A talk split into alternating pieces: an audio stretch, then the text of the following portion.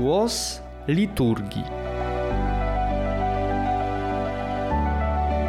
Audycja o bogactwie treści prawosławnego nabożeństwa. Do wspólnego poznawania tekstów liturgicznych zaprasza ichumen Pantelejmon Karczewski.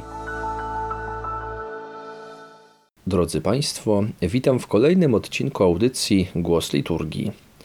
Mamy Wielki Tydzień, czas wyjątkowy i dziś naszym rozważaniom podamy nabożeństwo powieczerza Wielkiego Piątku.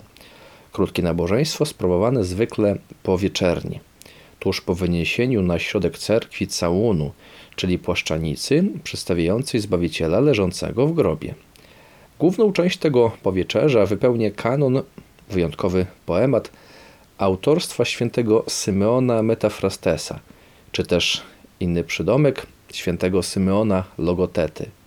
I zwany jest często po prostu Płacz Bogu Rodzicy. Utwór opisuje, jak Matka Boża towarzyszyła Chrystusowi podczas Jego cierpień na krzyżu. Współczuła Mu i przeżywała razem z Nim Jego męki, śmierć, zdjęcie krzyża i pogrzeb.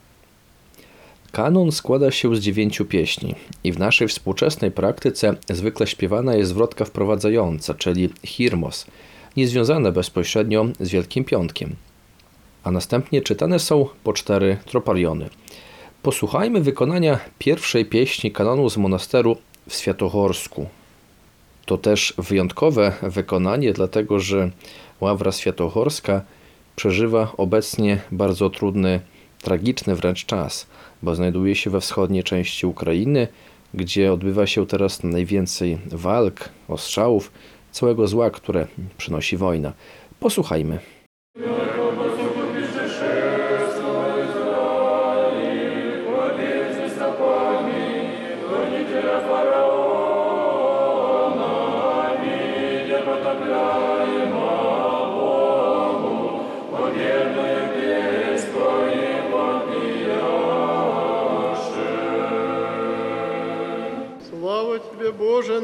Слава Тебе, обешена, яко видя на кресте Сына и Господа, Дева я чистая, терзающийся вопияше горце, со другими женами стенящих глаголаше. Слава Тебе, Боже наш, слава Тебе! Вижу Тебя ныне, возлюбленное мое чадо и любимое на кресте висяща, и уязвляюся горце сердцем рече чистая, но дажди слово благи рабе Твоей, слава Отцу и Сыну и Святому Духу, волею Сыне мой творче терпиши на древе лютую смерть, Дева глаголаше предстояще у креста, со возлюбленным учеником, и ныне и присно, и во веки веков. Аминь. Ныне моего чаяния, радости и веселья Сына моего и Господа лишена бых, увы мне, болезную сердцем, чистое плачущий глаголаше.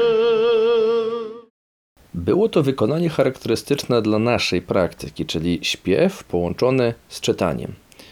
E, posłuchajmy troparionów w języku polskim.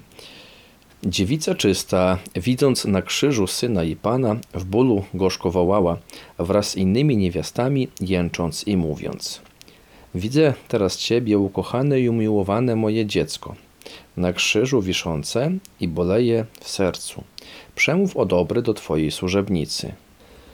Dobrowolnie, synu mój stwórco, cierpisz na drzewie gorzką śmierć, mówi dziewica, stojąc umiłowanym uczniem przy krzyżu. Teraz jestem pozbawiona mej radości i wesela, syna mego i pana, biada mi, boleje moje serce, płacząc, mówi dziewica. Ten kanon, poza wykonaniem, które przed chwilą słyszeliśmy, można także zaśpiewać w całości. Posłuchajmy, jak brzmi wykonanie właśnie tej samej pierwszej pieśni w melodii tonu szóstego, w wykonaniu chóru Patos Fili i Przyjaciele. Posłuchajmy.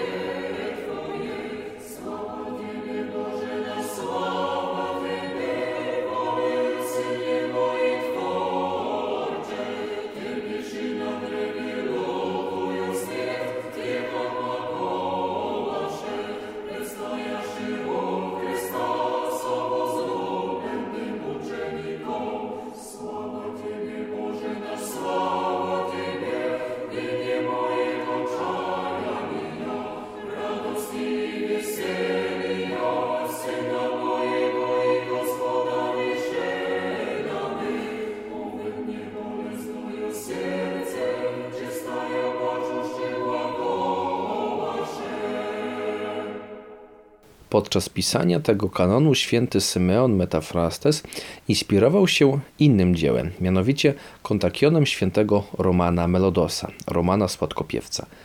Ten utwór nie jest obecnie w użyciu liturgicznym w całości, bo czyta się jedynie dwie z 24 jego zwrotek. Kanon Płacz Bogu Rodzicy to długa wypowiedź Matki Bożej, która opłakuje najpierw umierającego, a potem już zmarłego, Jezusa Chrystusa. To utwór bardzo emocjonalny, pomagający wiernym współprzeżywać tragiczne wydarzenia Wielkiego Piątku.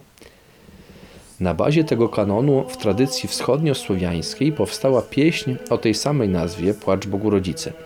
Jest to staroobrzędowy kantyk napisany w XIX wieku. W treści przypomina bardzo kanon, cytuję z niego poszczególne fragmenty. Jego popularność wzrosła w ostatnich latach za sprawą dokonanej przez Irynę Denisową z Białorusi harmonizacji linii melodycznej hymnu. Posłuchajmy fragmentu tego długiego utworu.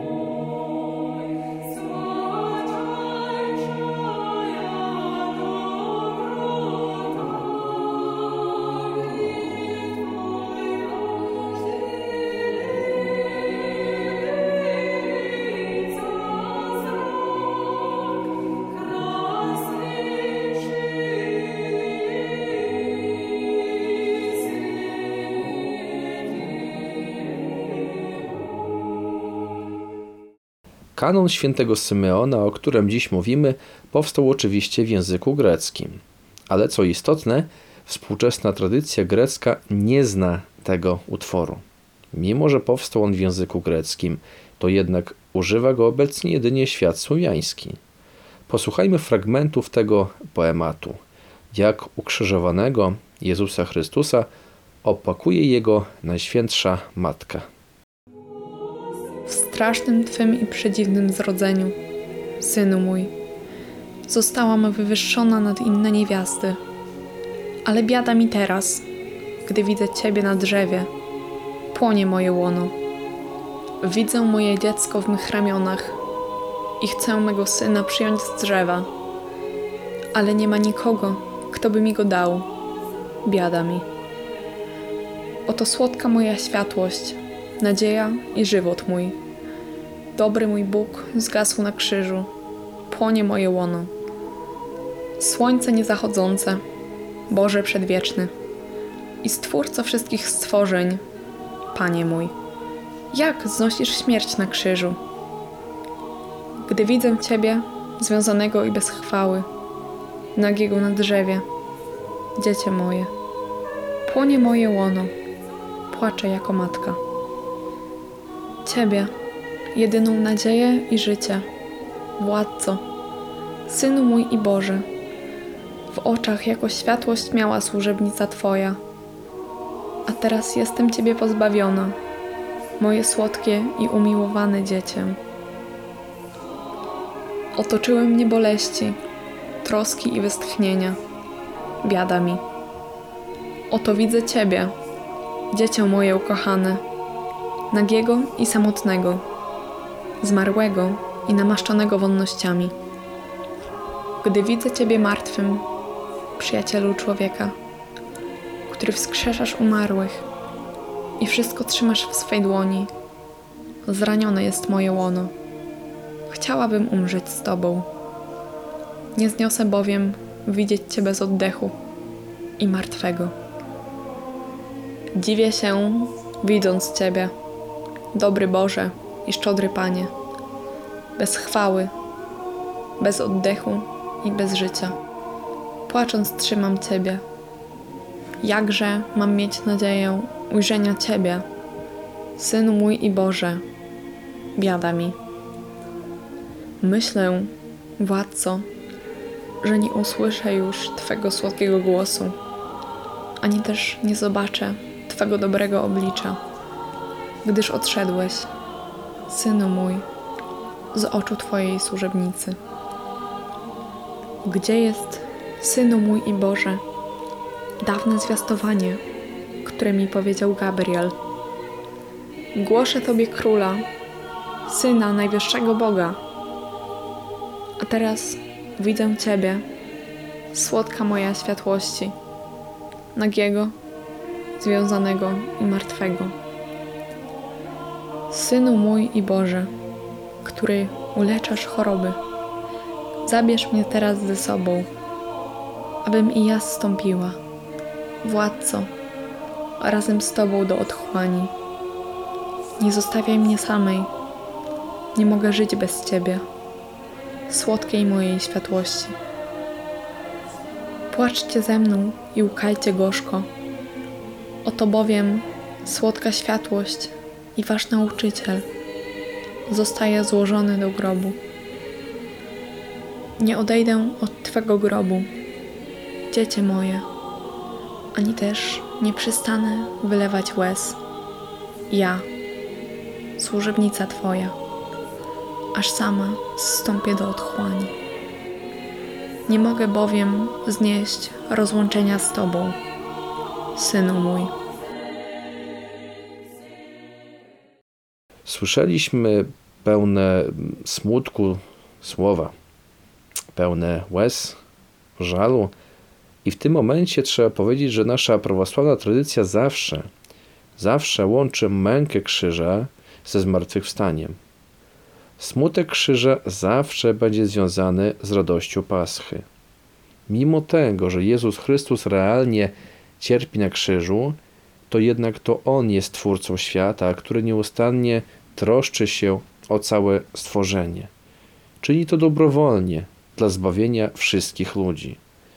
I krzyż nie jest narzędziem śmierci, ale jest znakiem zmartwychwstania i zbawienia. Prawosławna myśl teologiczna podkreślająca zmartwychwstanie rozbiega się w tej materii z tradycją zachodnią. Zachodnia kontemplacja śmierci krzyżowej koncentruje się bardziej na męce. Widoczne jest to chociażby w ikonografii. Zachód przedstawia Chrystusa na krzyżu umęczonego, cierpiącego. A tradycyjna prawosławna sztuka poprzez swoje wyczucie stopniowo wytworzyła klasyczny typ ikony ukrzyżowania. W tym przedstawieniu Chrystus zwiesza głowę w stronę Bogu Rodzicy. Opuszczona głowa i zamknięte oczy wskazują na jego śmierć, ale zachowuje on jednak w swoim cierpieniu dostojną, królewską godność. To samo mamy w tekstach liturgicznych. Nawet najbardziej przejmujące i smutne utwory przepełnione są ostatecznie nadzieją zmartwychwstania. I tak właśnie kończy się kanon Płacz Bogu Rodzicy. Żeby to zrozumieć, musimy wsłuchać się w słowa jego dziewiątej, czyli już ostatniej pieśni.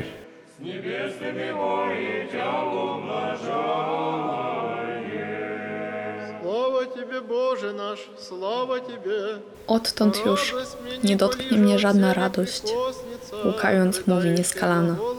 Oto światłość moja i radość moja. wstąpiła do grobu. Nie zostawię go samego, Umrę tutaj i zostanę z nim pochowana.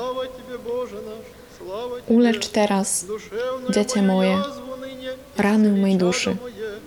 We łzach woła dziewica. Zmartwychwstań i utul mój ból oraz troski. Możesz bowiem, władco, czynić, co zechcesz, jeśli dobrowolnie dajesz się pogrzebać. I przed nami dwa ostatnie tropariony tejże pieśni.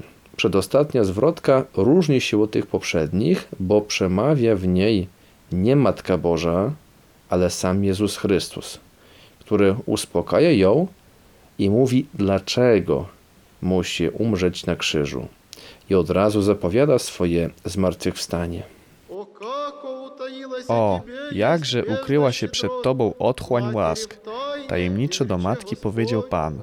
Chcąc bowiem zbawić moje stworzenie, zechciałem umrzeć, ale zmartwychwstanę i wysławię Ciebie jako Bóg nieba i ziemi. Na te słowa Chrystusa Matka Boża odpowiada już w innym nastroju. Rozumiejąc to, co się dokonuje, odnosi się do słów swojego syna, wyrażając nadzieję na zmartwychwstanie. Sławić będę Twoje miłosierdzie, przyjacielu człowieka. Kłaniam się bogactwu Twego miłosierdzia, władco. Pragnąc bowiem zbawić swoje stworzenie, śmierć przyjąłeś, mówi dziewica.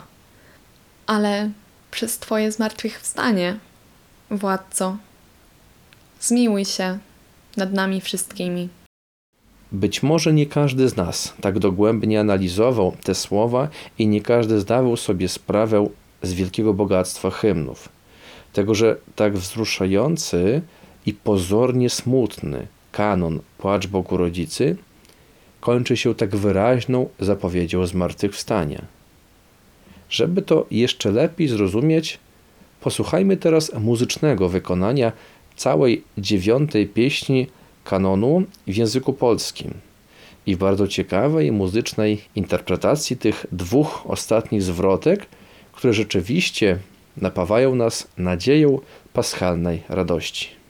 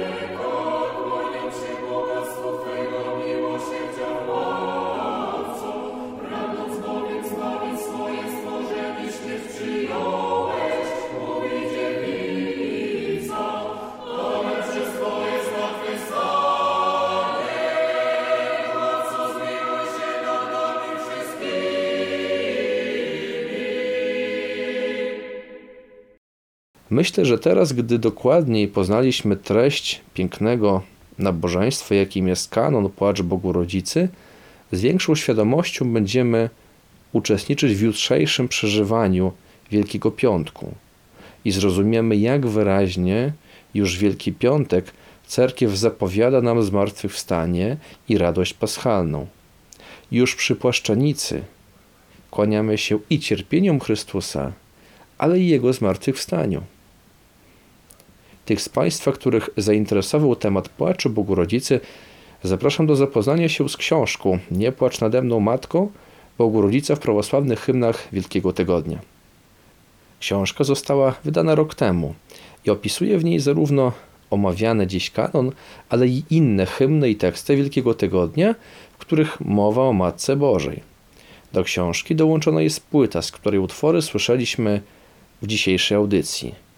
Płyta śmiało można powiedzieć z nowościami w prawosławnej muzyce liturgicznej, a płyta w wykonaniu chóru Patos Filii i Przyjaciele pod dyrekcją Michała Uścinowicza.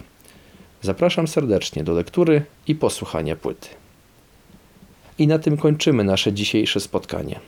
Życzę wszystkim Państwu pożytecznego udziału w ostatnich nabożeństwach Wielkiego Tygodnia i dobrej, radosnej Paschy. My spotykamy się we czwartek za dwa tygodnie i będziemy rozmawiać zupełnie na inny temat. Być może dla wielu osób zaskakujący, bo będzie to wątek brytyjski. Do usłyszenia. Dziękuję serdecznie za uwagę.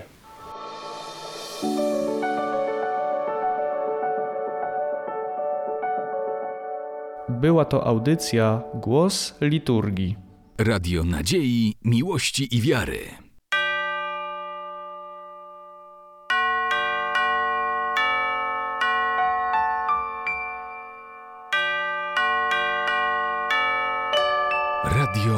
Ortodoksja.